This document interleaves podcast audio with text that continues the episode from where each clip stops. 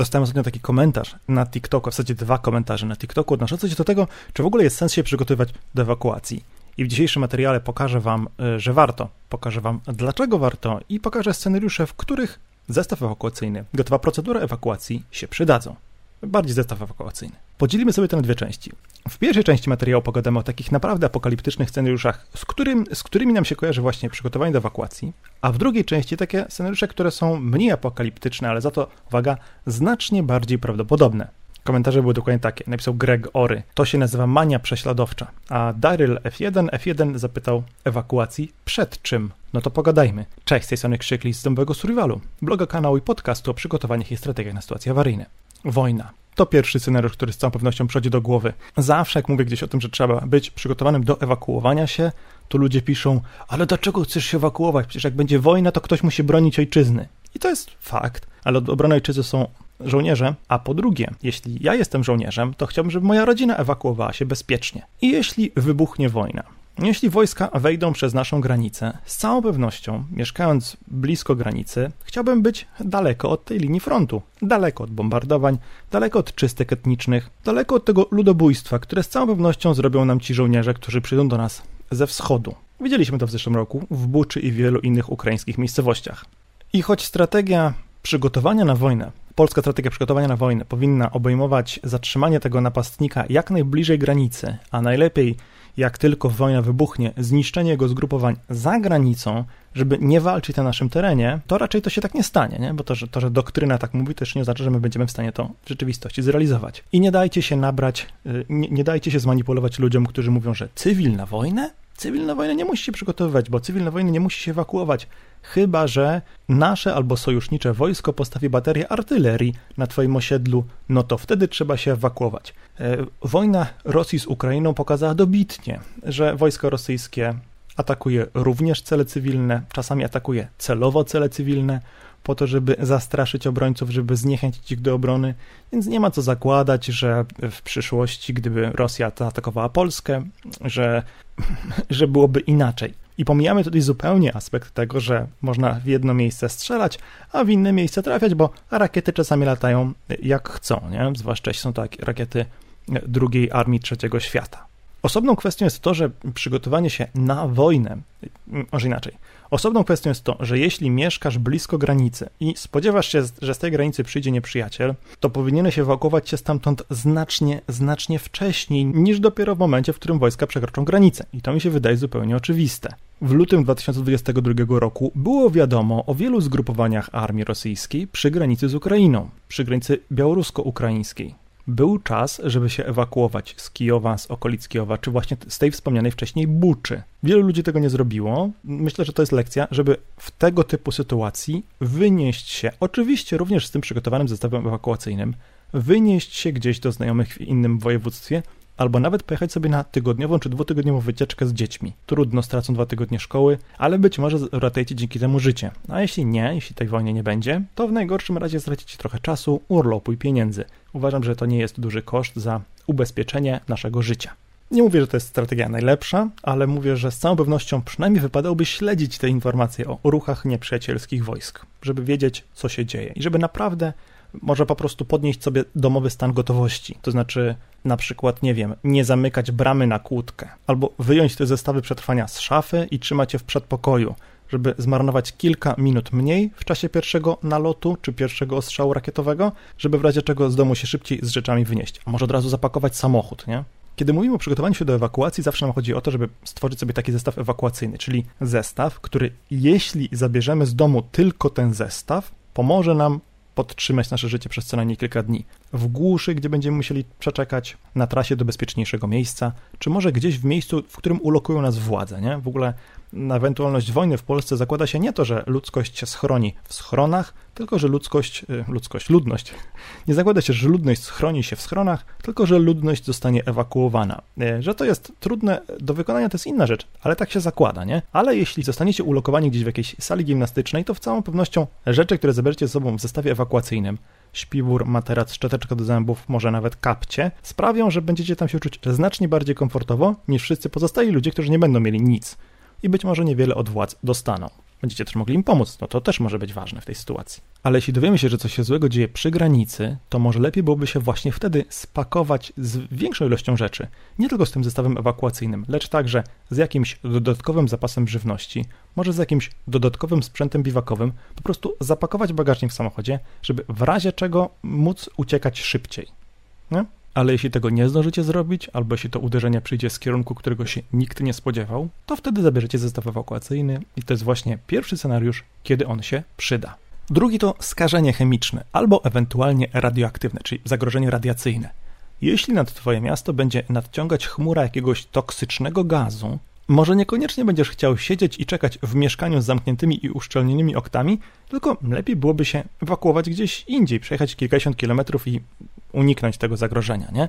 W takich sytuacjach szybciutko zabieramy z domu zestaw ewakuacyjny, pakujemy się do samochodu czy na rower, czy uciekamy piechotą do autobusu, do pociągu. W przypadku takich zagrożeń komunikacja publiczna raczej jeszcze powinna działać i po prostu znikamy. I tyle. I mamy problem z głowy. Kiedy zagrożenie minie, do domu wracamy w pełni zdrowia i, i, i już identycznie zrobimy w razie zagrożenia powodziowego. Do powodzi też się można w pewnym sensie przygotować, bo prognozy pogody są jakie są, ale zazwyczaj o takich nawalnych deszczach powodujących powodzie błyskawiczne to się dowiadujemy z wyprzedzeniem. A jeśli powodzie są związane z wezbraniem poziomu rzek wskutek długotrwałych, np. wielodniowych opadów, to też nie będzie to dla nikogo zaskoczeniem. I też będzie czas, żeby się ewakuować, będzie czas, żeby zabrać wszystkie rzeczy. No ale wiecie, jak nie zdążycie, to niech ten zestaw ewakuacyjny będzie gotowy, po to, żeby właśnie móc go wtedy zabrać. I może tutaj dwa słowa na temat tego, co w tym zestawie ewakuacyjnym powinno się znaleźć, ale to nie jest materiał na ten temat, więc zróbmy inaczej. W opisie pod filmem oraz w notatkach do tego odcinka znajdziecie odnośnik do materiału, gdzie omawiamy ten temat szerzej i odnośnik do miejsca, gdzie możecie za darmo pobrać checklistę ułatwiającą budowanie zestawu ewakuacyjnego. Skoro mówię o tym zagrożeniu radiacyjnym, to może dwa słowa na temat elektrowni atomowej w Zaporożu, czy w Zaporożcu, zaporowskiej elektrowni atomowej w każdym razie, w Ukrainie. Nie ma w tym momencie zagrożenia radiacyjnego związanego z tą elektrownią, z pracą tej elektrowni. Największym zagrożeniem radiacyjnym wskutek pracy elektrowni jest jod, radioaktywny izotop jodu, który ma jedną fajną cechę, mianowicie krótki okres połowicznego rozpadu. I tego jodu, ponieważ te elektrownie wyłączono już bardzo, bardzo dawno temu, tego radioaktywnego jodu tam praktycznie nie ma. Więc jeśli by nawet nastąpiło zniszczenie tej elektrowni, albo takie pożary, jakie były w Czarnobylu, bo w Czarnobylu nie było wybuchu takiego jądrowego, tylko był wybuch wodoru i, i pożar później, jeśli będzie taki pożar, wskutek którego się będzie dużo tego radioaktywnego jodu unosiło do atmosfery na wysokie odległości, dzięki tym prądom wznoszącym, e, działającym podczas pożaru, jak wiecie, płomienie, ogień, ciepło, powietrze do góry, nie? To nawet w takiej sytuacji zagrożenia radiacyjnego dla Polski nie będzie. Ono będzie znikome, pomijalne. I to, I to nie jest moment, w którym powinniście traktować ten materiał jako, że ja coś wiem, że za chwilę to, z tą elektrownią coś się stanie, że trzeba będzie łykać płyn Lugola albo jakieś inne tabletki z jodem, w sensie płyn Lugala to jest płyn, albo jakieś inne preparaty z jodem, na przykład pod postacią tabletek? Nie. Nie traktujcie tego materiału w ten sposób. Ale wiecie, jesteśmy państwem NATO, jesteśmy de facto frontowym państwem NATO, więc nie można wykluczyć, że ktoś kiedyś zdecyduje się y, zrzucić na nas bombkę. Nie, nie można tego wykluczyć. I jak zginiemy, to zginiemy, a jak przeżyjemy, to będzie się trzeba prawdopodobnie przed chmurą radioaktywną ewakuować. Albo kiedy front pożaru lasów i pożaru łąk dociera do Twojej miejscowości, to to jest moment, w którym trzeba się z tego domu ewakuować. A więc w drugim punkcie mamy jakieś zagrożenie, które po prostu nadciąga, związane jest z czymś naturalnym, tak jak powódź, albo z czymś spowodowanym ręką człowieka, jak skażenie chemiczne. W punkcie trzecim mamy coś, co nasz dom po prostu zniszczy. Coś, co spowoduje jego zniszczenie. Na przykład pożar. Jak blok się będzie nam palił, to błyskawicznie zabieramy wszystkie rzeczy z mieszkania i je opuszczamy. To samo robimy, jak się będzie palić garaż podziemny, bo może być tak, że w tym garażu podziemnym spłoną wszystkie samochody i może się zdarzyć, że gdzieś wskutek tego pożaru jakiś element konstrukcyjny budynku ulegnie uszkodzeniu i że budynek się wskutek tego pożaru zawali. To nie jest bardzo prawdopodobne, ale wykluczyć tego absolutnie nie można. Nie? Tak samo nie można wykluczyć, że pożar, który powstanie dwie klatki dalej, nie rozniesie się na cały blok, bo ludzie mają na balkonach najróżniejsze rzeczy, bo wieje mocny wiatr. Nie można wykluczyć, że taki pożar zniszczy również Twoje mieszkanie. Możesz być zmuszony do ewakuowania się z domu, kiedy dom zostanie zniszczony wskutek jakiegoś innego kataklizmu i nie będziesz mógł w nim mieszkać. Na przykład zostanie zniszczony wskutek wichury, zostanie zniszczony przez powódź, trąba powietrzna urwie ci dach? I to jest moment, w którym też nie możesz w tym domu mieszkać. I to może być moment, w którym okaże się, że nie możesz w tym domu mieszkać, bo jest na przykład środek zimy i będzie zimno, nie? Albo ze względu na naruszoną konstrukcję znów dom jest niebezpieczny, bo może ci się zawalić na głowę. W takim momencie też trzeba się z domu ewakuować. To jest troszkę inny scenariusz niż ten, e, który mówiłem w drugim punkcie, gdy jakieś zagrożenie się do nas zbliża. Tylko tu właśnie mamy do czynienia z sytuacją, w której jakieś zagrożenie już przeszło, coś tam nam ten dom uszkodziło, Jakieś drzewo rosnące zaraz za płotem na działce sąsiada spadło nam na dom, naruszając jego konstrukcję i nie możemy po prostu w domu dalej bezpiecznie przebywać. To wtedy po prostu zabieramy te rzeczy i się z domu ewakuujemy. Moim zdaniem nie ma absolutnie żadnych wątpliwości co do tego scenariusza. W następnej części tego materiału pogadamy o sytuacjach, które są znacznie bardziej prawdopodobne, jednocześnie znacznie mniej apokaliptyczne, albo może nawet wcale nie są apokaliptyczne, a pozwolą Wam w bardzo dużym stopniu sprawdzić i przetestować zestaw ewakuacyjny. W dzisiejszej drugiej części materiału o tym, kiedy i jak przyda się zestaw ewakuacyjny, taki 72-godzinny zestaw przetrwania, który zabierzemy uciekając z domu w razie wojny albo powodzi, pogadamy o niewojennych i mniej apokaliptycznych scenariuszach, w których ten zestaw też się przyda, które mogą nawet do pewnego stopnia stanowić taki benchmark, ja nie lubię tego słowa, wskaźnik jakości pozwalający nam ocenić, czy zestaw ewakuacyjny, który zbudowaliśmy, jest dobry. Pierwszym takim scenariuszem jest, uważam, niespodziewany wyjazd no w sumie konieczność ewakuowania się z powodu powodzi, ze względu na powódź, jest również niezapowiedzianym wyjazdem. Ale tu mam na myśli zupełnie co innego, na przykład niezapowiedziany urlop. Z jakichś względów chcemy się na parę dni wyrwać z domu.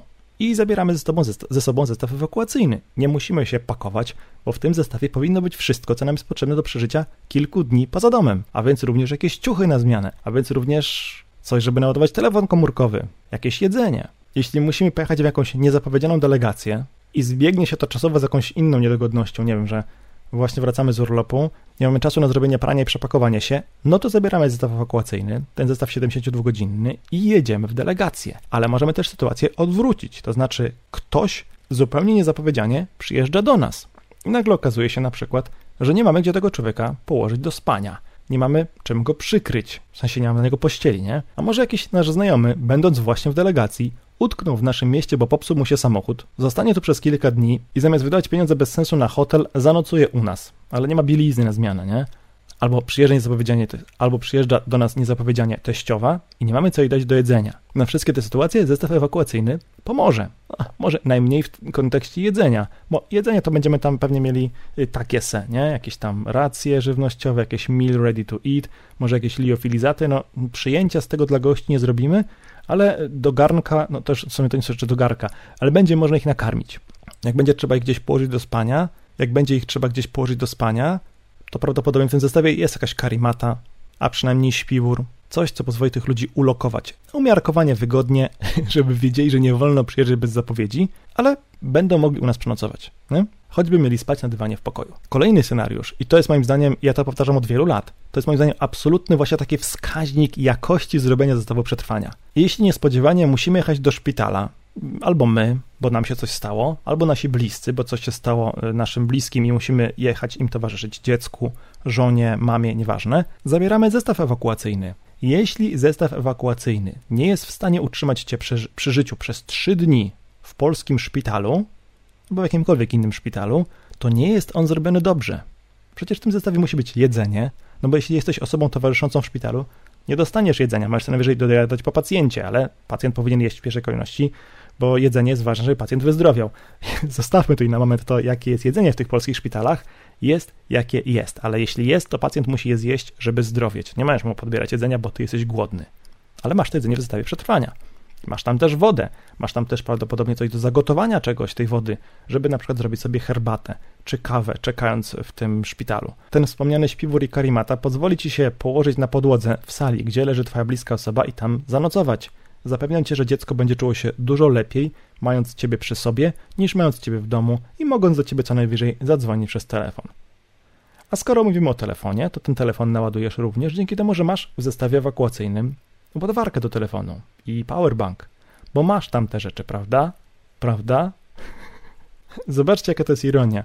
Scenariusz, który najlepiej sprawdza przydatność zestawu ewakuacyjnego, znaczy najlepiej pod tym kątem, że jeśli nie sprawdzi się tutaj, to na pewno nie sprawdzi się w żadnej innej sytuacji, a co więcej, jest bardzo prawdopodobny jednak mimo wszystko ten scenariusz, no każdy z nas kiedyś umrze, nasi bliscy też kiedyś umrą, albo będą ciężko chorować, albo będą mieli wypadek samochodowy. Y, to po prostu tak mówią prawa dużych liczb. W związku z tym, prędzej czy później i tak wszyscy wylądujemy w szpitalu. No może nie do końca. Czasami na przykład motocyklistów się po wypadkach y, nie wozi do szpitala, tylko przyjeżdża straż pożarna i takim wężem ich spłukuje do rowu, bo nie ma co zbierać, nie? I w skali rodziny to jest scenariusz apokaliptyczny, to jest koniec świata, jaki zna ta rodzina, ale w skali narodu to jest rzecz niezauważalna. To się zdarza codziennie w tysiącach polskich rodzin. Ostatni, niespecjalnie apokaliptyczny scenariusz, którym chciałem Wam powiedzieć, to jest jakaś zwykła domowa awaria. Zwykła awaria na przykład w rodzaju braku prądu albo braku wody. Nieważne, czy mówimy tutaj o takiej dużej katastrofie, że na, całym, że na terenie całego województwa albo całego kraju nie ma prądu, to jest mało prawdopodobne.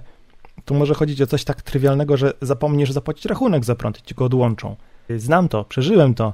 Kiedyś w wynajmowanym przeze mnie mieszkaniu, ponieważ nigdy nie dostawałem tam żadnej korespondencji pocztowej, olałem wyciąganie listów ze skrzynki na dobrych kilka tygodni, przegapiłem fakturę za prąd, przegapiłem pismo, żeby tę fakturę za prąd uregulować, takie ostateczne ostrzeżenie i któregoś dnia zorientowałem się, że nie ma prądu. Rano wstałem, nie? Nie ma prądu. W innych miejscach w bloku był prąd, u mnie prądu nie było, była natomiast karteczka w drzwiach. E, panie, wyłączyliśmy ci prąd, nie? I ja sobie wtedy poradziłem. Mógłbym pracować wtedy cały dzień, czekając aż ci ludzie przyjdą i mi prąd włączą. Oni chyba mi go włączyli następnego dnia. No nieważne, ale taka sytuacja, kiedy nie ma w domu prądu, wody, gazu, jest dobrym momentem, w którym możemy wykorzystać nasz zestaw ewakuacyjny. Przecież on jest stworzony do podtrzymania naszego życia. Kiedy nie ma prądu, bo jesteśmy w lesie, kiedy nie ma wody, ponieważ uciekamy gdzieś samochodem, kiedy nie ma gazu, bo pojechaliśmy gdzieś do tej sali gimnastycznej i możemy sobie w tej sali gimnastycznej obok naszego rozłożonego łóżka polowego rozpalić kuchenkę gazową na karturze, którą mamy w zestawie, ale gazu i takiej dużej tradycyjnej kuchenki gazowej do naszej dyspozycji tam nie ma. I powinniśmy być w stanie z tym zestawem ewakuacyjnym przeżyć kilka dni w domu bez prądu, oświetlając sobie pomieszczenia, ładując telefon komórkowy, no może nie podtrzymując zasilania komputera, nie? nie, że będziemy w stanie pracować w domu przez ten czas, ale przynajmniej będziemy w stanie w domu przez ten czas przesiedzieć i poczekać, aż nam ktoś tę awarię usunie, naprawi. Tak samo w przypadku wody, tak samo w przypadku braku wody powinniśmy być w stanie wyżyć z użyciem wody, którą mamy ze sobą w zestawie ewakuacyjnym oraz sprzętu do pozyskania i uzdatnienia tej wody, który mamy w tym zestawie. No bo jeśli się buduje zestaw 72-godzinny i liczymy dla osoby 3 litry wody na osobę na głowę, czyli 3 litry na głowę na dzień, tak? I chcemy robić zestaw 72-godzinny, to się robi 10 kilo samej wody i butelek. To jest bardzo dużo. Ja zrobiłem kiedyś ten błąd i więc tego błędu nie popełnię. Więc trzeba tej wody wziąć do zestawu mniej, ale za to dołożyć rzeczy, które pozwolą tę wodę pozyskać i uzdatnić. Na przykład filtry do uzdatnienia oraz torebki strunowe, żeby tę wodę móc nabrać brudną, a potem przefiltrować, żeby była czysta, nie? żeby nie trzeba było tej brudnej wody nosić w butelce poczystej albo w worku hydracyjnym, tylko żeby czysta woda była w butelkach, a w brudną wodę, którą potem przefiltrujemy, pakujemy na przykład do woreczków, takich właśnie strunowych, na mrożonki. I nic nie przeszkadza, żeby z tego sprzętu korzystać również w domu. Słuchajcie, to, że to tworzymy jako zestaw ewakuacyjny, nie oznacza, że nie możemy tego używać w domu. Nikt tego nie sprawdza. Albo na wycieczkach. Nikt tego naprawdę nie sprawdza. I jeśli twój zestaw ewakuacyjny nie pozwoli ci uzdatnić wody do picia na tyle dużo, żebyś jej miał na 3 dni i do picia, do mycia, do przygotowania posiłków, to nie jest zrobione dobrze.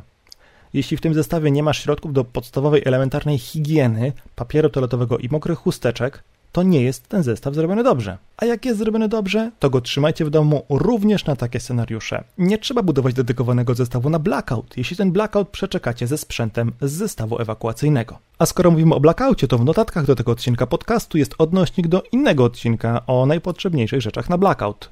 Zajrzyj do niego, warto go teraz odsłuchać i sprawdzić, czy w Twoim zestawie ewakuacyjnym te rzeczy już teraz są.